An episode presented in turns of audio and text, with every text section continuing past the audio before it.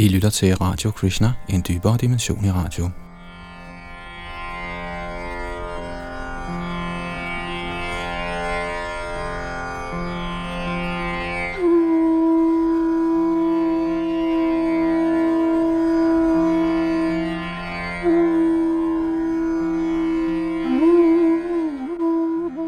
I vores løbende gennemgang af Srimad Bhagavatam er vi som bekendt i gang med 10. bog, og her skal vi i dag starte på kapitel nummer 61, der hedder Herren Balaram dræber Rukmi. Og hvad der gemmer sig bag denne dramatiske titel, skal vi høre i det følgende her, hvor Yadunandan der sidder bag mikrofon og teknik.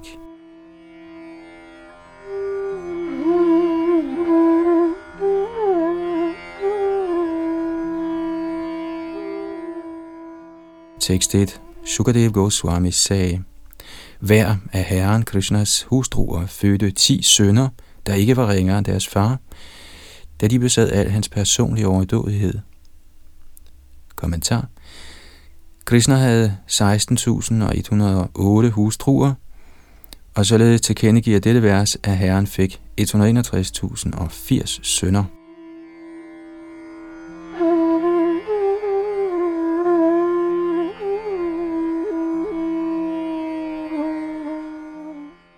Tekst 2 Fordi hver af disse prinsesser så, at herren Achuta aldrig forlod hendes palads, tænkte hver af dem, at hun var herrens yndling. Disse kvinder forstod ikke hele sandheden om ham. Kommentar Shri Ravishana Chakravarti Thakur bemærker, at Krishna kun ville forlade paladserne efter tilladelse fra sine hustruer, og således tænkte hver af dem, at hun var hans foretrukne.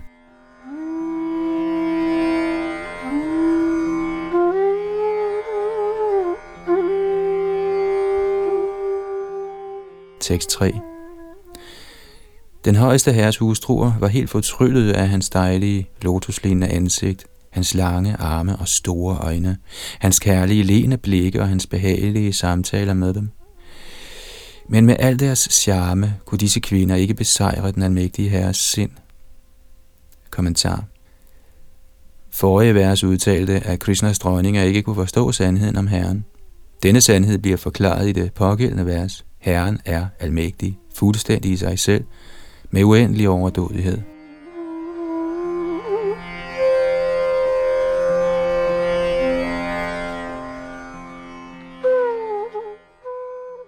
Tekst 4 og 5 De buede øjenbryn på disse 16.000 dronninger udtrykte på fortryllende vis disse damers hemmelige hensigter gennem ondsenligt smilende sideblikke.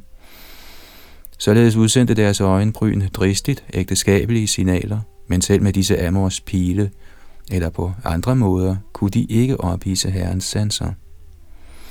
Således opnåede disse kvinder, som deres ægtemand lykkegudindens herre, selvom endda store halvguder som Brahma ikke ved, hvordan de skal nærme sig ham. Med konstant tiltagende glæde følte de kærlig tiltrækning til ham, ventede ivrigt på hans samvær i evig frisk fortrolighed, og nød på mange andre måder – Kommentar. Denne tekst beskriver den intense ægteskabelige tiltrækning, som disse dronninger nærede for Krishna.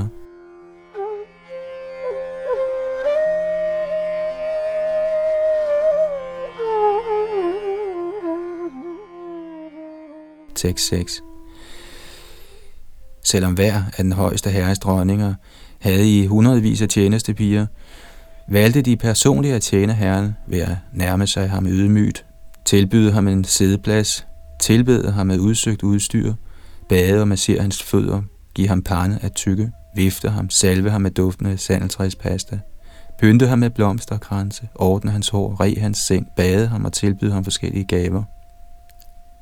Kommentar.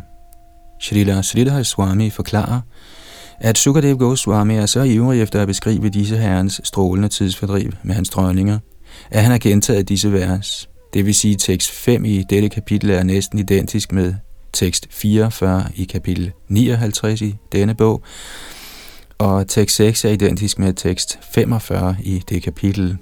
Shrita Vishana de forklarer, at udtrykket Varadhan, udsøgte gaver, til kendegiver, at dronningerne tilbød herren håndfulde af blomster, Pushpanjali, og håndfulde af juveler, Ratnanjali.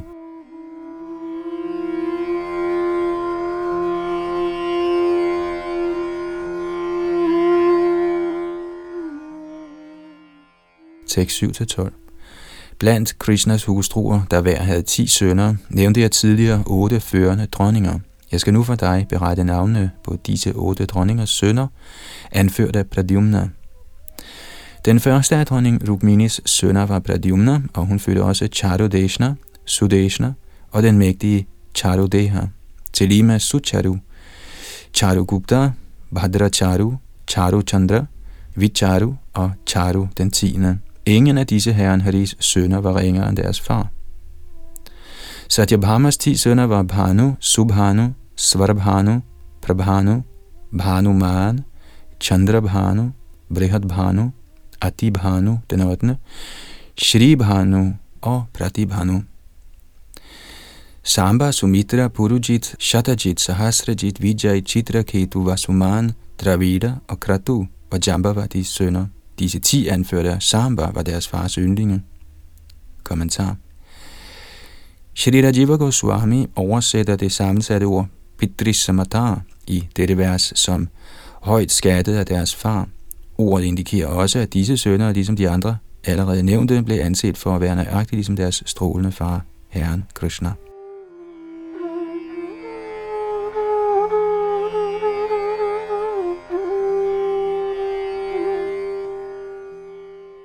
Tekst 13-15. Nagnajits sønner var Vira, Chandra, Ashvasen, Chitragu, Vegavan, Vrisha, Ama, Shanku, Vasu og den overdådige Kunti. Shruta, Kavi, Vrisha, Vira, Subhanu, Bhadra, Shanti, Darsha og Purnamasa var Kalindis sønner. Hendes yngste søn var Somak. Madras sønner var Praghosh, Gatravan, Singha, Bala, Prabala, Urdhaga, Mahashakti, Saha, Oja og Aparajit. Og en kort kommentar. Madra er også kendt som Lakshmana.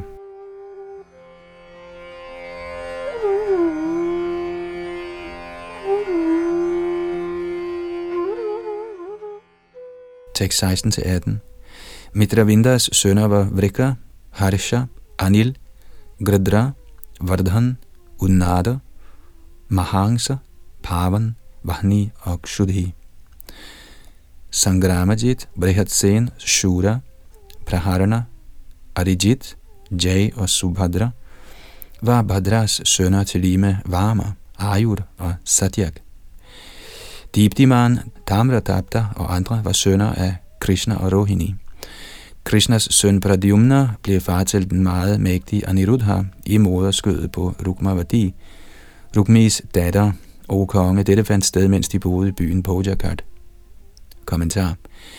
Krishnas otte førende dronninger er Rukmini, Satyabhama, Jambavati, Nagnajiti, Kalindi, Lakshmana, Mitravinda og Badra. Efter at have nævnt alle deres sønner, henviser Shukadev Goswami nu til sønnerne af de andre 16.000 dronninger, ved at nævne de to førende sønner af dronning Rohini, den forreste af de øvrige dronninger.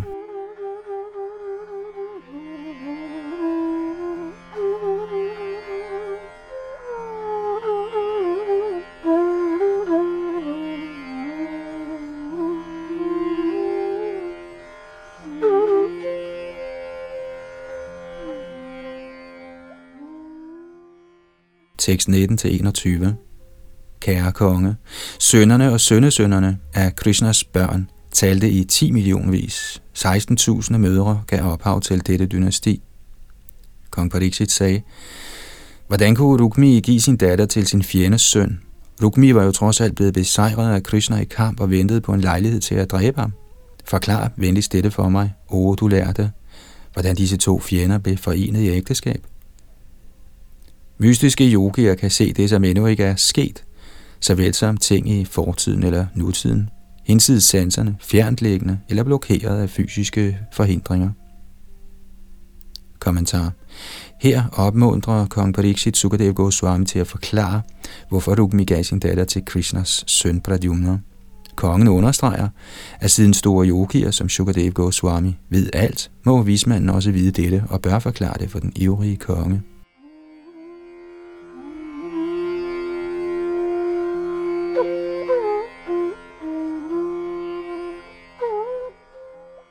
Tekst 22 og 23.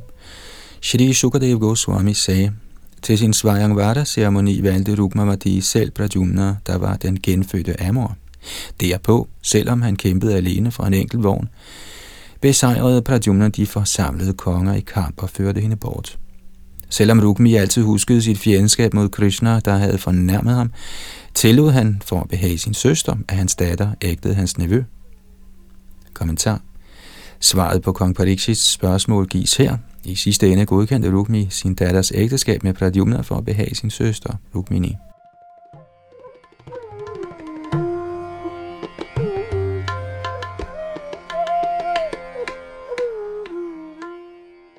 Tekst 24 O konge, Bali, søn af Kritavarma, ægtede Rukminis unge datter, Charumati, der havde store øjne. Kommentar Srila Sridhar Swami forklarer, at hver af herrens dronninger havde en datter, og at denne omtale af Charumadis ægteskab er en indirekte henvisning til alle disse prinsessers ægteskaber.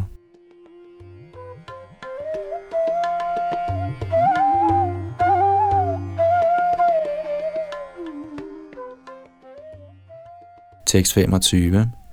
Rukmi gav sin sønnedatter Rochana til sin datters søn Aniruddha, trods Rukmis ubøjelige fejde med herren Hari. Selvom Rukmi opfattede dette ægteskab som irreligiøst, ville han glæde sin søster, bundet som han var af kærlighedens reb. Kommentar Sridhar Sridhar Swami forklarer, at man ifølge værtslige normer ikke bør give sin elskede sønnedatter til sin bidre fjendes sønnesøn. Således finder vi følgende forskrift. Dvishadanam naboktavyam dvishantam naivabhodjayet. Citat, man må ikke spise en fjendes mad eller bespise en fjende. Citat slut. Der er også følgende forbud. Asvarigyang loka vidvishtang dharmam abhyacharinatu. Citat. Man må ikke udføre religiøse forskrifter, hvis de forhindrer ens rejse til himlen, eller hvis de er forhat i menneskesamfundet. Citat slut. Det skal understreges her, at Krishna egentlig ikke er nogens fjende, som Herren udtaler i Bhagavad Gita 5.29, Suhridang sarvabhutanam, gyatva mang shantim richati. Citat. Man opnår fred ved at forstå, at jeg er alle levende væseners ven og velønder. Citat slut. Selvom Krishna er alles ven, kunne Rukmi ikke påskynde denne kendskærning og opfattede Krishna som sin fjende. Alligevel gav han ud af kærlighed sin sønnedatter til Aniruddha. Slutligt bør vi notere, i modsætning til forbuddet citeret oven, at man ikke skal give afkald på det åndelige livs grundlæggende principper, blot fordi sådanne principper er upopulære hos den generelle menneskemasse. Som Krishna siger i Gitaen 1866, Sarvadharman parityaja mami kang sharanang braja. Den ultimative åndelige pligt er at overgive sig til den højeste herre, og den pligt går foran alle underordnede påbud. En videre har Sri Chaitanya Mahaprabhu i denne tidsalder givet en sublim metode, der vil tiltrække alle oprigtige mennesker til at nærme sig punktet af overgivelse til Herren. Ved at følge Herren Chaitanyas lyksalige metode af at synge, danse, spise godt og diskutere åndelig filosofi, kan enhver let vende hjem tilbage til guddommen til evigt liv i lyksalighed og kundskab.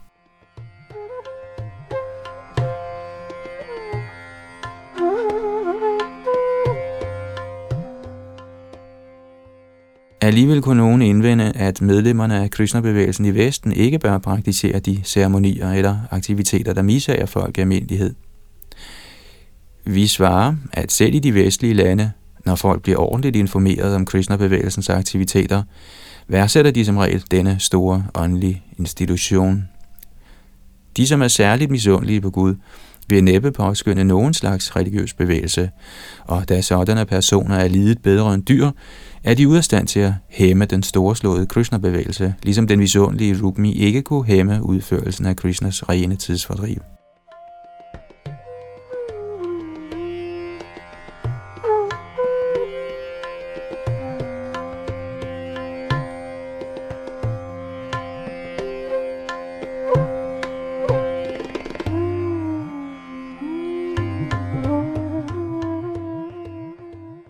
Tekst 26-29. I anledning af dette festlige bryllup, o konge, rejste dronning Rukmini, herren Balaram, herren Krishna og adskillige af herrens sønner, anført af Samba og Pradyumna, til byen Pojakart. Efter brylluppet sagde en gruppe hovmodige konger anført af kongen af Kalinga til Rukmi, du må besejre Balaram i terning. Han er ikke dygtig til terning, o konge, men han er alligevel ganske forfalden til det. Således rådgivet udfordrede Rukmi Balaram og begyndte et terningsspil med ham. I dette spil accepterede Balaram først en indsats på 100 mønter, så 1000, så 10.000. Rukmi vandt første omgang, og kongen af Kalinga lå højt af Balaram og viste ham alle sine tænder. Herren Balaram tålte ikke dette. Kommentar. Srila Vishwanath Chakravarti forklarer, at indsatsen bestod af guldmønter. Herren Balaram blev ganske vred indeni, da han så kongen af Kalinkas grove fornærmelse.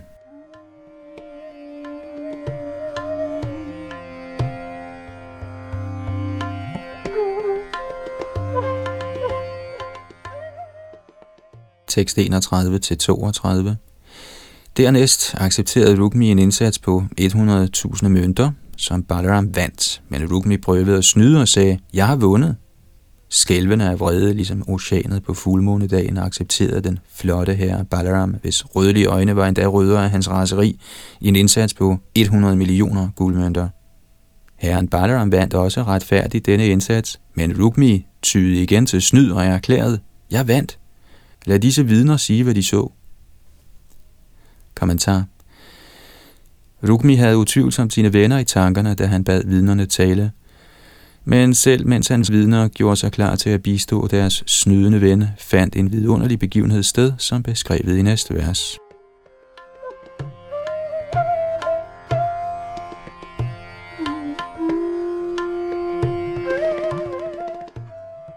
Tekst 33-40 Netop da bekendt gjorde en stemme fra himlen, Balaram har på retfærdig vis vundet denne indsats. Rukmi lyver så sandelig. Tilskyndet af de onde konger lod Rukmi hånd om den guddommelige stemme. Faktisk var det selve skæbnen, der drev Rukmi, og således gjorde han nar af Balaram som følger. Rukmi sagde, I kohørter, der strejfer omkring i skovene, aner intet om terning. At spille terning og more sig med pile er kun for konger, ikke for folk af jeres slags. Således fornærmet af Rukmi og latterliggjort af kongerne, blev Balaram vred. Midt under den lykkebringende bryllupsceremoni hævede han sin kølle og slog Rukmi ihjel.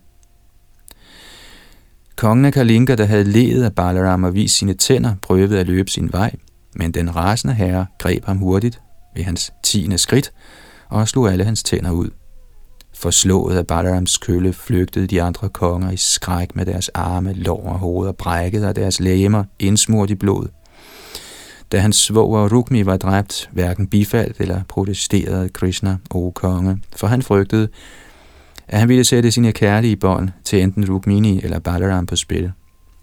Derpå anbragte der Shadhas efterkommere, anført af Balaram, Aniruddha og hans brud på en overdådig vogn, og drog afsted fra Bojakart mod Dvarakam. Da de havde søgt ly ved herren Madhusudan, havde de opfyldt alle deres hensigter. Kommentar. Selvom Rukmini var meget afholdt af alle har, havde hendes bror Rukmi siden Rukminis bryllup konstant modsat sig og fornærmet Krishna.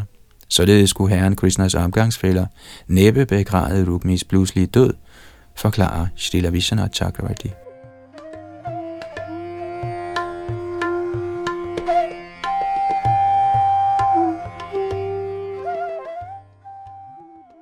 Således ender kommentarerne fra hans guddommelige nåde, A.C. Bhaktivedanta Swami Prabhupads ydmyge tjener til Srimad Bhagavatams 10. bogs 61. 20. kapitel med titlen Herren Balaram dræber Rukmi.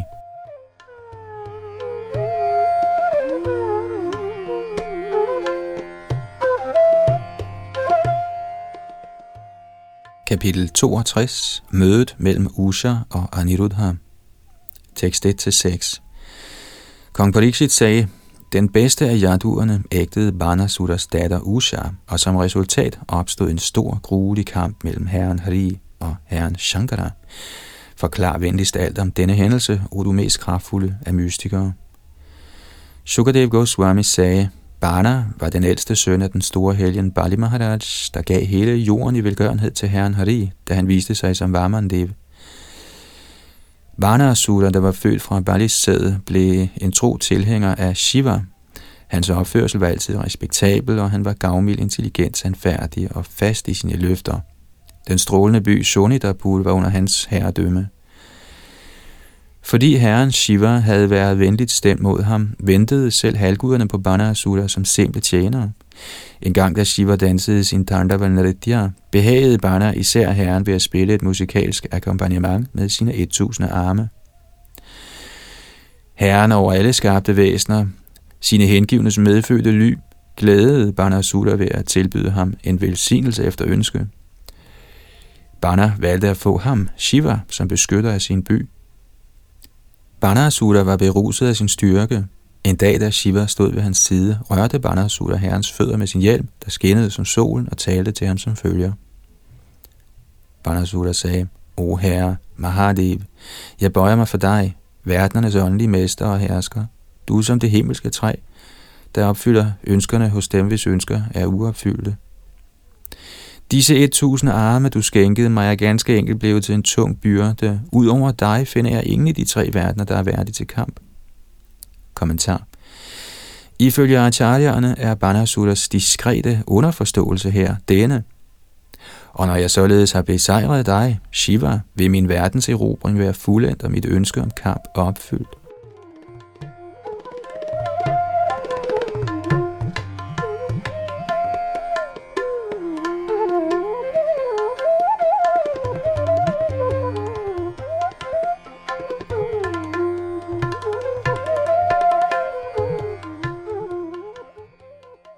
Tekst 7 og 8. Ivrig efter at kæmpe mod elefanterne, der hersker over retningerne, o oprindelige herre, tog jeg ud og pulveriserede bjerge med mine arme, der brændte efter kamp. Men selv disse elefanter flygtede i redsel. Da han hørte dette, blev Shiva vred og svarede, Dit flag vil blive sønderrevet, din nar, når du har kæmpet med en, der er min lige. Den kamp vil overvinde din indbilskhed. Kommentar Shiva kunne have tugtet Banasura på stedet og personligt knust hans hovmod. Men siden Banasura havde været ham en så trofast tjener, undlod han at gøre dette.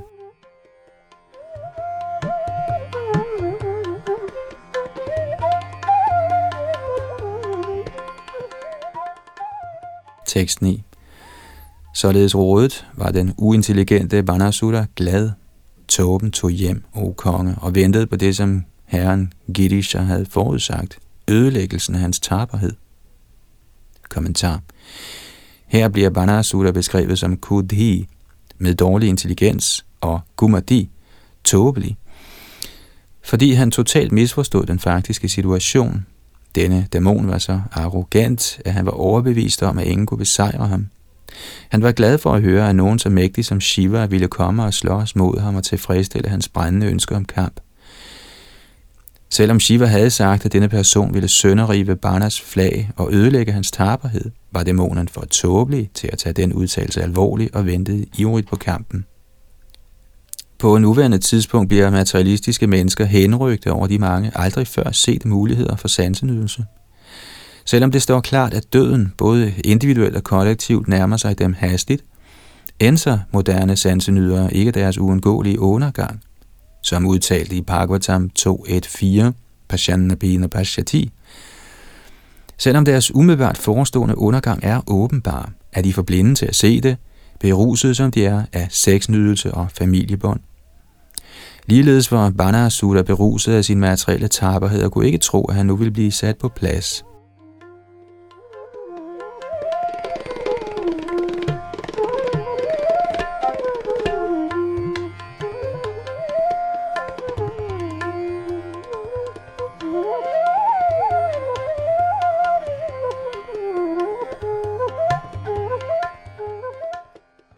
Tekst 10 I en drøm havde Barnas datter, den rene Usha, et elskovsmøde med Pradyumnas søn, selvom hun aldrig før havde set eller hørt om sin elsker.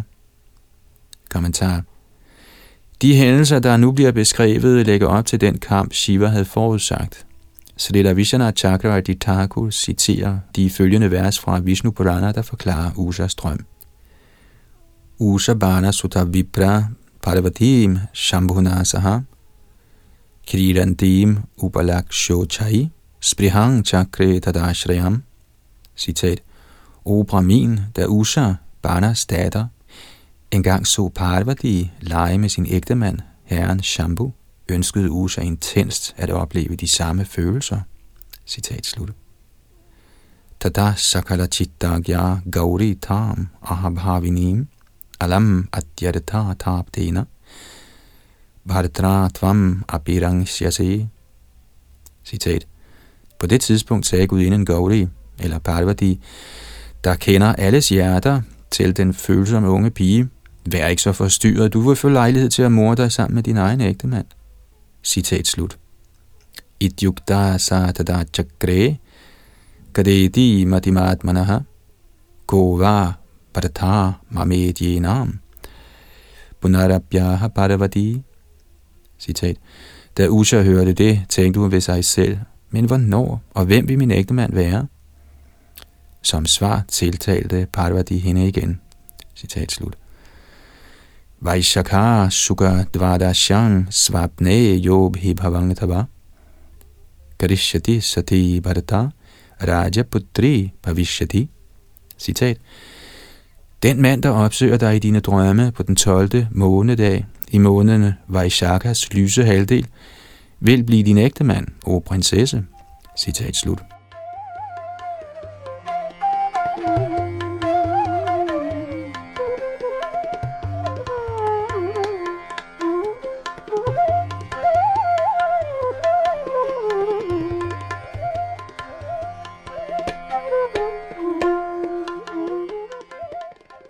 Tekst 11. Da hun pludselig tabte ham med syne i sin drøm, satte Usa sig pludselig op midt blandt sine veninder og udbrød, Hvor er du, min elsker? Hun var meget forstyrret og forlegen. Kommentar. Da hun kom til sig selv og huskede, at hun var omgivet af sine veninder, blev Usa selvfølgelig meget forlegen over at have råbt på den måde. Samtidig var hun forstyrret på grund af sin tilknytning til den elskede mand, der havde vist sig i hendes drøm.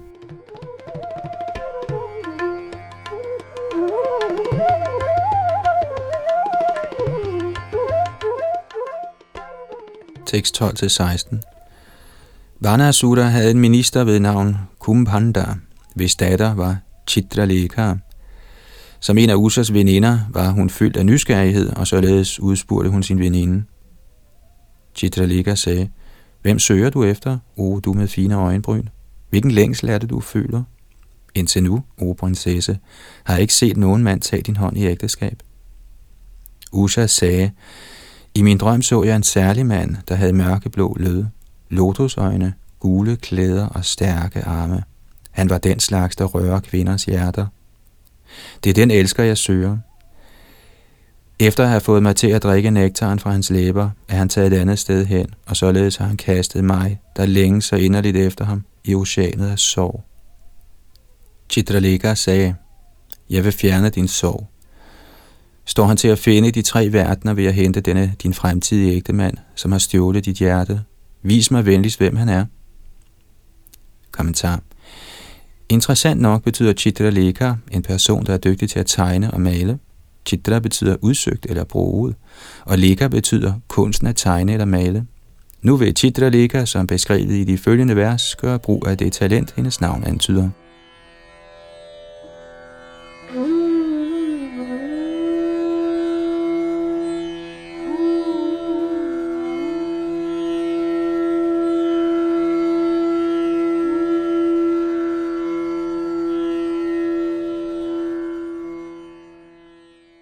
Tekst 17-19. Efter at have sagt det, begyndte Chitraleka at tegne nøjagtige billeder af forskellige halvguder, Gandharvaer, siddharer, Charanaer, Pannagar, Daityaer, Vidyadhara, Yakshar og mennesker. O konge, blandt mennesker lavede Chitraleka tegninger af Vrishnierne, herunder Surasen, Anakadundubi, Balaram og Krishna. Da Usha så tegningen af Pradyumna, blev hun generet, og da hun så billedet af Aniruddha, bøjede hun sit hoved i forlegenhed. Smilende sagde hun, der er han, det er ham. Kommentar Shri Vishana Chakravarti giver denne yderligere indsigt. Da Usha så billedet af Pradyumna, blev hun forlegen, fordi hun tænkte, det er min svigerfar. Derpå så hun tegningen af sin elsker, Aniruddha, og jublede af glæde.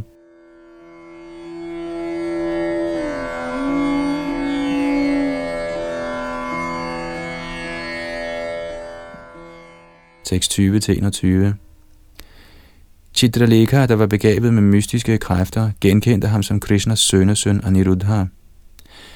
Kære konge, hun rejste derpå af den mystiske luftrute til Dvaraka, byen under Krishnas beskyttelse. Der fandt hun Pradyumnas søn Aniruddha sovende i en fin seng. Med sin yogiske kraft bragte hun ham til Shonidapur, hvor hun præsenterede sin veninde Usha for hendes elsker. Kommentar Shri Ravishana Chakravarti kommenterer som følger på dette vers. Og jeg citerer. Det siges her, at Chitralika tyede til mystisk kraft, yogam astithar. Som forklaret i Harivangs og anden litteratur, måtte hun gøre brug af sine evner, fordi da hun ankom til Dvaraka, fandt hun, at hun ikke kunne trænge ind i Krishnas by. På det tidspunkt instruerede Shri Narad Muni hende i den mystiske kunst at trænge ind. Nogle autoriteter siger også, at Chitraleka selv er en ekspansion af Yogamaya. Citat slut.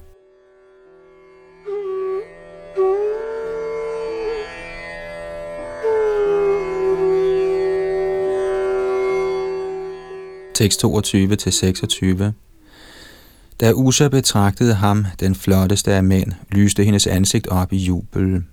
Hun tog Pradyumnas søn til sine private gemakker, som var forbudt for mænd endda at se, og nød der sammen med ham. Usha tilbad Aniruddha med trofast tjeneste. Hun tilbød ham uvurderlige klæder til lige med blomster, grænse, dufte, røgelse, lamper, sidepladser osv. Hun bød ham også drikkevarer, al slags mad og behagelige ord. Som han således forblev skjult i de unge damers kamre, bemærkede Aniruddha ikke, at dagene gik. For hans sanser var fanget af Usha, hvis kærlighed til ham bestandig voksede.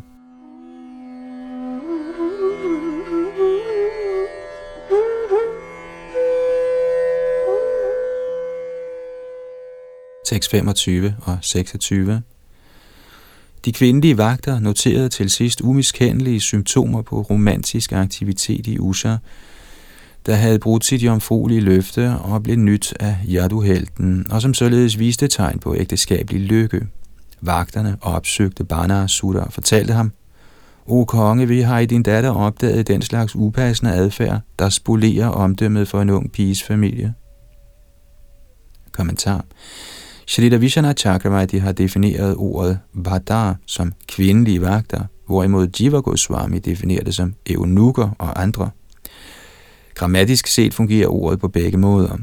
Vagterne frygtede, at hvis Banasura fik nys om Usas aktiviteter fra anden side, ville han på det kraftigste straffe dem, og således fortalte de ham personligt, at hans unge datter ej længere var uskyldig.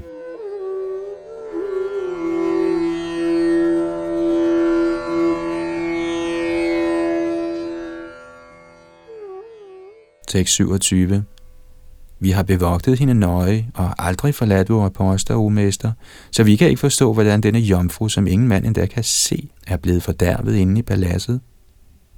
Kommentar. Acharyerne forklarer, at ordet anapayibhi enten kan betyde aldrig forladende eller aldrig vildledt. Desuden, hvis vi tager den alternative læsning dushpreshaya i stedet for dushprekshaya, henviser vagterne til Usha som hun, hvis onde veninde er blevet sendt på en mission.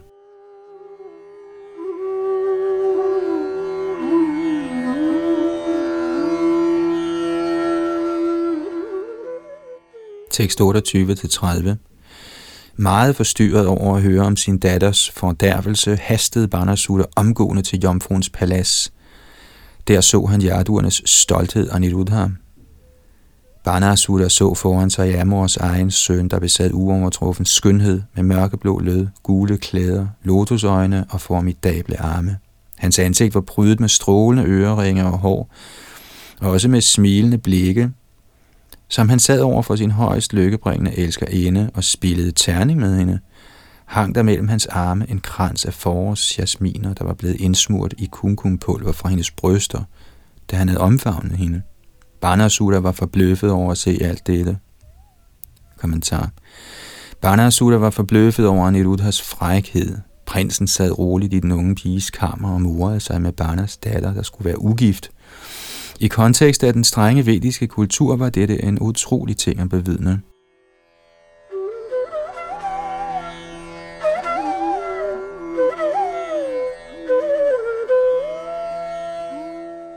Tekst 31 da han så Banasura komme ind med mange bevæbnede vagter, hævede Aniruddha sin jernkølle og stod resolut, redde det at slå en hver, der angreb ham. Han lignede døden i egen person, der holder sin stav til afstraffelse. Kommentar. Køllen var ikke lavet af almindelig jern, men af en særlig slags kaldet muru.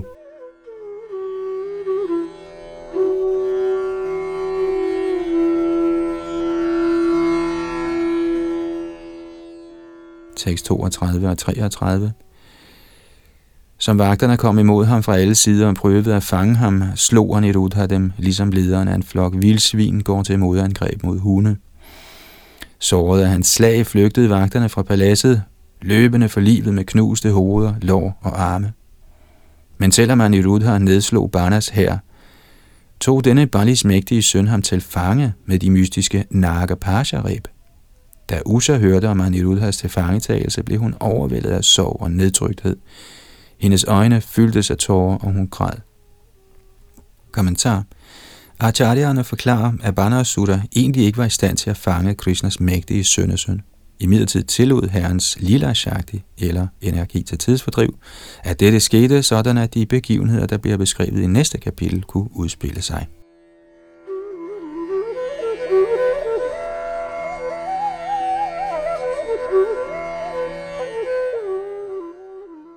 Således ender kommentarerne fra hans guddommelige nåde, A.C. Bhaktivedanta Swami Prabhupads ydmyge tjenere, til Srimad Bhagavatams 10. bogs 62. 20. kapitel med titlen Mødet mellem Usha og Aniruddha.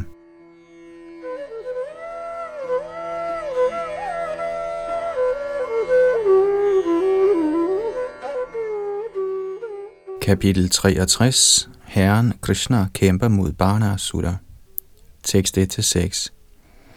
Sukadev Goswami sagde, O efterkommer af Bharat, Anirudhas slægtninge, der ikke så ham vende hjem, fortsatte med at sørge, mens regntidens fire måneder gik. Da de fra Narad havde hørt nyheden om Anirudhas bedrifter og hans tilfangetagelse, drog vrishnierne, der tilbad Krishna som deres personlige guddom, afsted mod Shonitapur. Med Balaram og Krishna i front konvergerede Satvata-klanens ledere, Pradyumna, Satyaki, Gada, Samba, Sarana, Nanda, Upananda, Bhadra og andre, med en hær på 12 divisioner og belejrede Banasuras hovedstad. De omringede byen på alle sider. Banasura fyldte sig vrede, da han så dem ødelægge sin bys forstads haver, fæstningsvolde, vagttorne og porte, og således kom han ud og stillede sig over for dem med en hær af samme størrelse.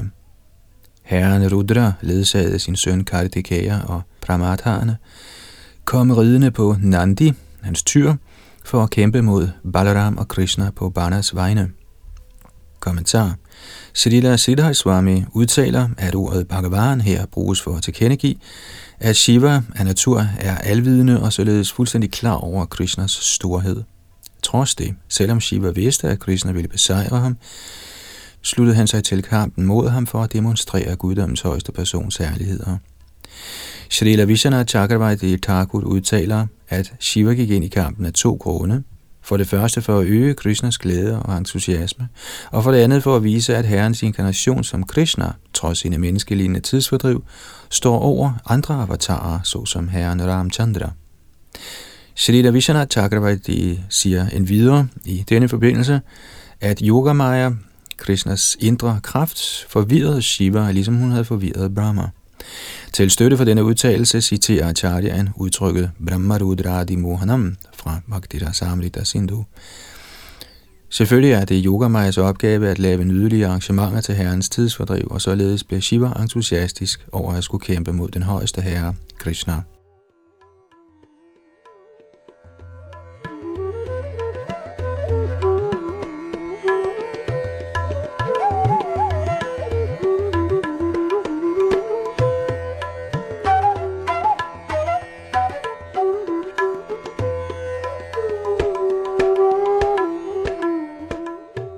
Tekst 7-22 Et højst forbløffende, hæftigt og hårdrejsende slag begyndte derpå, hvor Krishna stod over for Shankara og Pradyumna over for Kartikeya.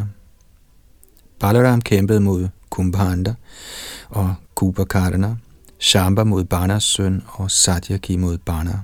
Brahma og de øvrige herskende halvguder sammen med Siddhar, Charanar og store vismænd til lige med Gandharvar, Apsara og Yakshara, kom alle i deres himmelske luftfartøjer for at se på. Med skarpe pile fra sin bue Sharinga fordrev Krishna Shivas forskellige tilhængere, Bhuta, Pramata, Guhyaka, Dakiniya, Yadudhana, Vedala, Vinayaka, Preta, Mata, Pishacha, Kushmanda og Brahma Rakshasa. Shiva, der bærer træforken, affyrede forskellige våben mod Krishna, bærer af Sharanga. Men Krishna var ikke det mindste rådvild. Han neutraliserede alle disse våben med behørige modvåben. Krishna modvirkede en brahmastra med en anden brahmastra, et vindvåben med et bjergvåben, et ildvåben med et regnvåben, og Shivas personlige Pashu Pastra våben med sit eget personlige våben, Narayanastra. Efter at have forvirret Shiva ved at få ham til at gabe med et søvnvåben, gav Krishna sig til at nedkæmpe Banasuras hær med sit svær, sin kølle og sine pile. Kartikeya var plaget af Pradyumnas strøm af pile, der regnede ned fra alle sider, og således flygtede han fra slagmarken på sin påfugl, mens blodet flød fra hans lemmer. Kumbhanda og Kubakarna, der var forslået af Balarams kølle, faldt døde om. Da disse to dæmoners soldater så, at deres ledere var dræbt, spredtes de i alle retninger. Banasura var rasende over at se hele sin militære styrke gå i opløsning. Han forlod sin kamp med Satyaki, stormede hen over slagmarken på sin stridsvogn og gik til angreb på herren Krishna. Ophidset til vanvid af kampen trak Barna i alle strengene på sine 500 buer samtidig og satte to pile på hver streng. Herren Shri Hari splindrede hver eneste af Banasuras buer på én gang og nedslog desuden hans vognstyre, stridsvogn og heste. Herren blæste derpå i sin konkylie. Banasuras mor, der ønskede at redde sin søns liv, viste sig netop da foran herren Krishna, nøgen og med løsnet hår. Herren Gadagraj vendte sit ansigt bort for at undgå at se den nøgne kvinde, og Banasura, berøvet sin vogn og bue, benyttede lejligheden til at flygte ind i sin by. Efter at Shivas tilhængere var drevet bort, massede Shivadvara på med sine tre hoveder og tre fødder for at angribe Krishna. Som Shivadvara nærmede sig, lod han til at brænde alting i de ti retninger. Kommentar Shrita Vishana Chakravarti citerer den følgende beskrivelse af Shivadvara. Jvaras tripadas tri shira sharbhujo navalochanaha bhasma praharano raudraha kalantagayamopamaha Citat, den frygtelige Shivajvar havde tre ben, tre hoveder, seks arme og ni øjne. Han afgav en regn af aske og lignede således Yamaraj ved tiden for kosmisk udslettelse. Citat slut.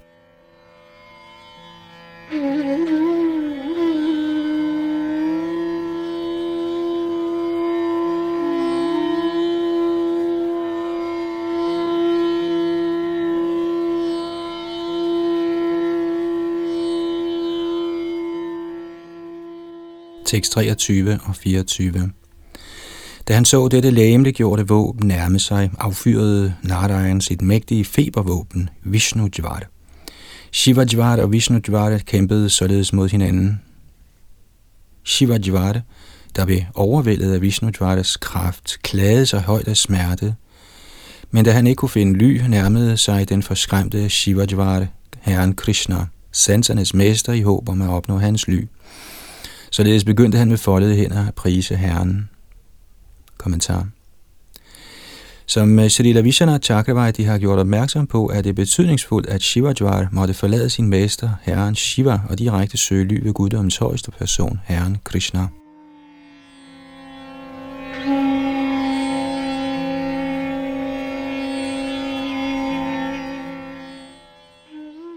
Tekst 25 Shivajwar sagde, jeg bøjer mig for dig, der har ubegrænsede kræfter, den højeste herre, alle væseners oversjæl. Du besidder ren og fuldendt bevidsthed og er årsag til den kosmiske skabelse, opretholdelse og opløsning. Fuldstændig fredfyldt er du den absolute sandhed, til hvem vi idéerne direkte henviser. Kommentar Tidligere følte Shivajvari sig uendelig mægtig og forsøgte således at brænde Shri Krishna.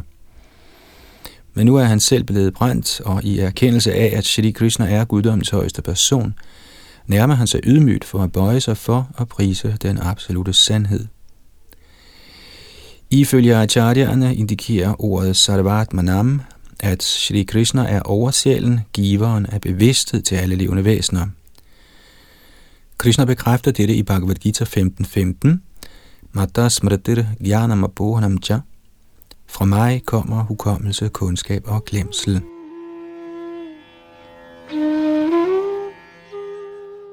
I sin kommentar understreger Srila Vishana Chakravarti, at Shivadvar på mange måder har erkendt Herren Krishnas overhøjhed over hans egen mester, Herren Shiva. Således tiltaler Shivadvar Krishna som Ananta Shakti, ejer af uendelig kraft. Paresh, den højeste hersker, og Sarvatma, alle væseners oversjæl, selv Shivas. Ordene Kevalang Gyabdi Matram indikerer, at Krishna besidder ren alvidenhed. Efter vores begrænsede opfattelse handler vi i denne verden, men med sin ubegrænsede forståelse udfører Krishna uendelige opgaver af skabelse, opretholdelse og udslettelse. Som Srila Jiva Goswami påpeger, afhænger selv de grove elementers funktioner, såsom luften, af ham. Taitiriya Upanishad 2.8.1 bekræfter dette. Bhisha smart vart pavade. Ud af frygt for ham blæser vinden. Således er Herren Shri Krishna den endelige genstand for tilbedelse for alle levende væsener.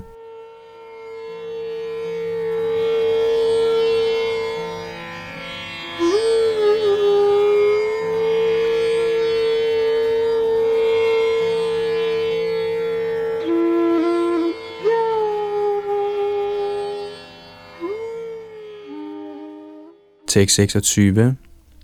Tid, skæbne, karma, divan og dens tilbøjeligheder, de subtile materielle elementer, det materielle lægeme, livsluften, falsk ego, de forskellige sanser og totalsummen af disse, som reflekteret i det levende væsens subtile lægeme, alt dette udgør din materielle illusoriske energi Maya, en endeløs cyklus, ligesom hos et frø og en plante. Jeg søger lyvet i dig, benægtelsen af denne Maya. Kommentar. Ordet bija roha pravaha bliver forklaret som følger. Den betingede sjæl accepterer en materiel krop, med hvilken han forsøger at nyde den materielle verden. Den krop er frøet, bija, til fremtidig materiel eksistens, fordi når en person handler med den krop, skaber han yderligere reaktioner, karma, der vokser, roha, og forpligter ham til at acceptere endnu en materiel krop. Med andre ord er materiel liv en kæde af handlinger og reaktioner – den enkle beslutning at overgive sig til den højeste herre løslader med tinget selv fra denne ørkesløse gentagelse af materiel ophobning og reaktion. Ifølge Srila Sridhar Swami tilkendegiver ordene Tan Nishedhang Prabhadiye, at guddommens højeste person, Krishna, er Nishedhavadi Bhutam, grænsen for negation. Med andre ord, når al illusion er negeret, bliver den absolute sandhed tilbage.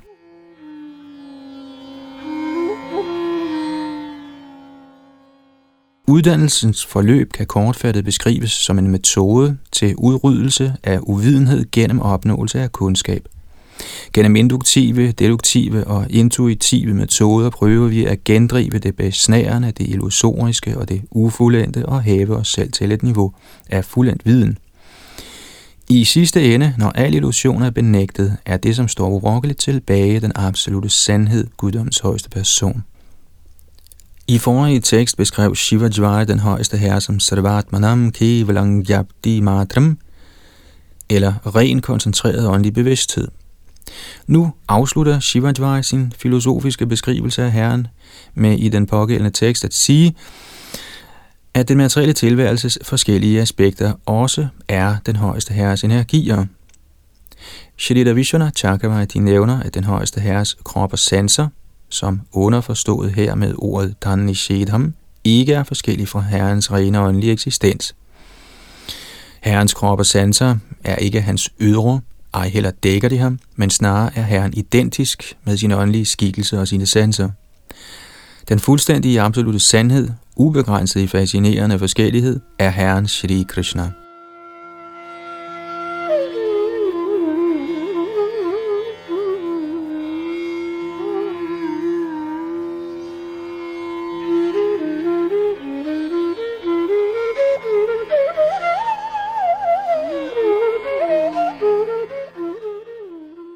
Tekst 27. Med forskellige hensigter udfører du tidsfordriv for at opretholde halvguderne, helgenerne og religionens kodex for denne verden. Gennem disse tidsfordriv dræber du også dem, der afviger fra den rette vej og lever af vold. Ja, de nuværende inkarnationer er beregnet på at lette jordens byrde. Kommentar. Som Krishna siger i Bhagavad Gita 9.29, Samohang sarvabhuteshu name dveshyo stinapriya Ye bhajanti tumang bhaktya maite te suchapyam Citat. Jeg misunder ingen, ej heller ynder jeg nogen. Jeg er ens mod alle, men den, som yder mig i tjeneste, er en ven, er i mig, og jeg er også hans ven. Citat slut. Halguderne og vismændene, devaren, Sardhuen, er helliget den højeste herres vilje. Halvguderne fungerer som kosmiske administratorer, og vismændene oplyser selvrealisationens og hellighedens vej gennem deres undervisning og gode eksempel. Men de, som overtræder den naturlige lov, Guds lov, og lever af at begå vold mod andre, bliver overvundet af den højeste herre i hans forskellige inkarnationer til tidsfordriv. Som herren udtaler i Bhagavad Gita 4.11, Yadamang prapadyante dangs tathaiva bhajamyaham, han er upartisk, men han besvarer behørigt de levende væseners handlinger.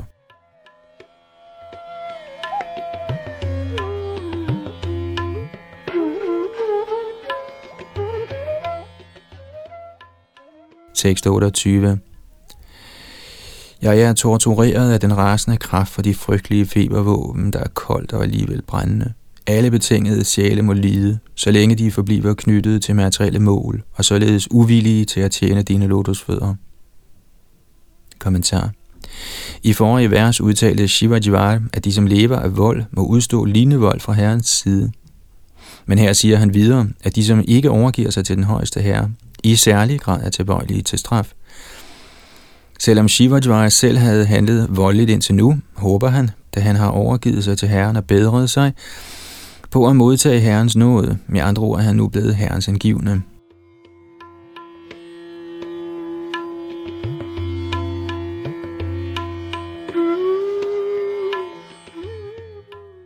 Tekst 29 Den højeste herre sagde, O du med tre hoveder, jeg er tilfreds med dig. Må din frygt for mit febervåben være fordrevet, og må enhver, der husker vores samtale her, ikke have nogen grund til at frygte dig. Kommentar her accepterer herren Shivajvai som sin hengivne og giver ham hans første instruktion, at han aldrig må skræmme med hed feber, dem der med tro hører dette herrens tidsfordriv.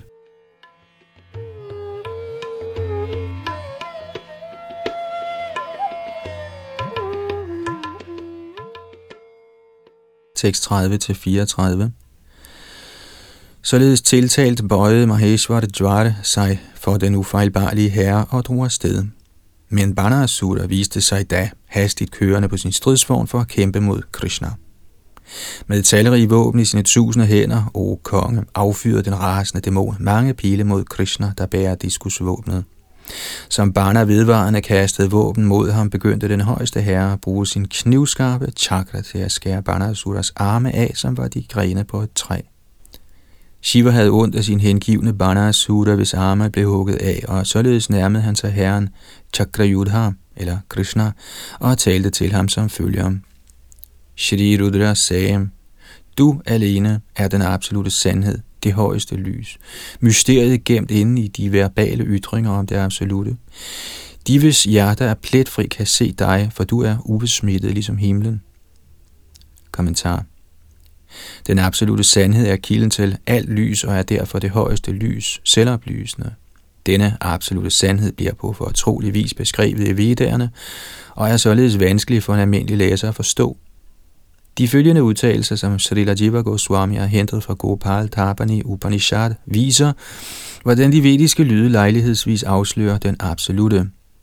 Teho churupasanam etasya paratmano govindasya kiladharino bhuri. Purva Kanda nummer 17. De, de fire kumaraer, sagde til Brahma, Fortæl os venligst, hvordan man tilbeder gode vinter, den højeste herre, og kilden til alt, der er til. Chetanas Chetananam, Purvakanda 21. Han er det førende af alle levende væsener. Og Tangha Deva Matma Vritti Prakasham, Purvakanda nummer 23. Man erkender denne højeste guddom ved først at erkende sit eget selv.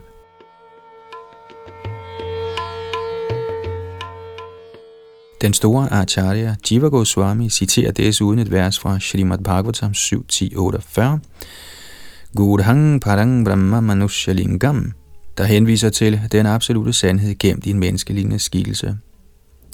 Siden Herren er ren, hvorfor opfatter nogle mennesker Krishnas skikkelse og handlinger som urene? Acharya Jiva forklarer, at de hvis egne hjerter er urene, ikke kan forstå den rene herre. Srila Vishana Chakravarti citerer videre herrens egen instruktion til Arjuna i Shri Harivans. Tat parang paramang brahma saravang bijayate jagat mamaiva tat gharang tejo gyatum arhasi bharata. Citat. Højere end denne, den totale materielle natur, er den højeste Brahman, hvorfra hele denne skabelse udstråler. O efterkommer af Bharat, du bør vide, at den højeste Brahman består af min koncentrerede stråleglans. Citat slut. For således at frelse sin hengivne forherliger Shiva nu den højeste herre, Krishna, hans evige tilbedelsesværdige mester. Herrens forvirrende kraft fik Shiva til at kæmpe mod Krishna, men nu er kampen overstået, og for at skåne sin hengivne fremsiger Shiva disse smukke bønder.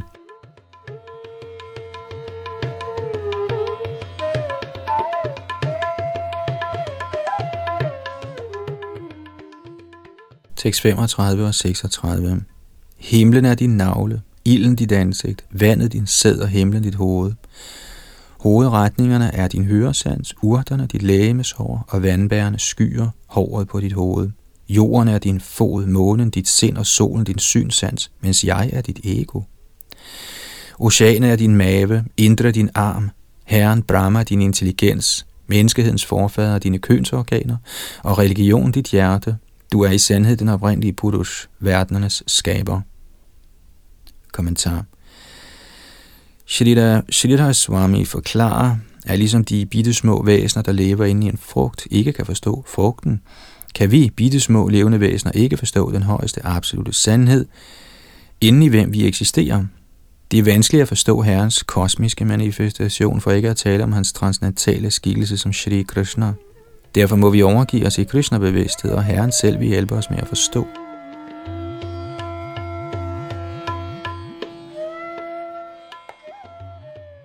Her holder vi for denne gang, hvad vores oplæsning fra Srimad Bhagavatam angår.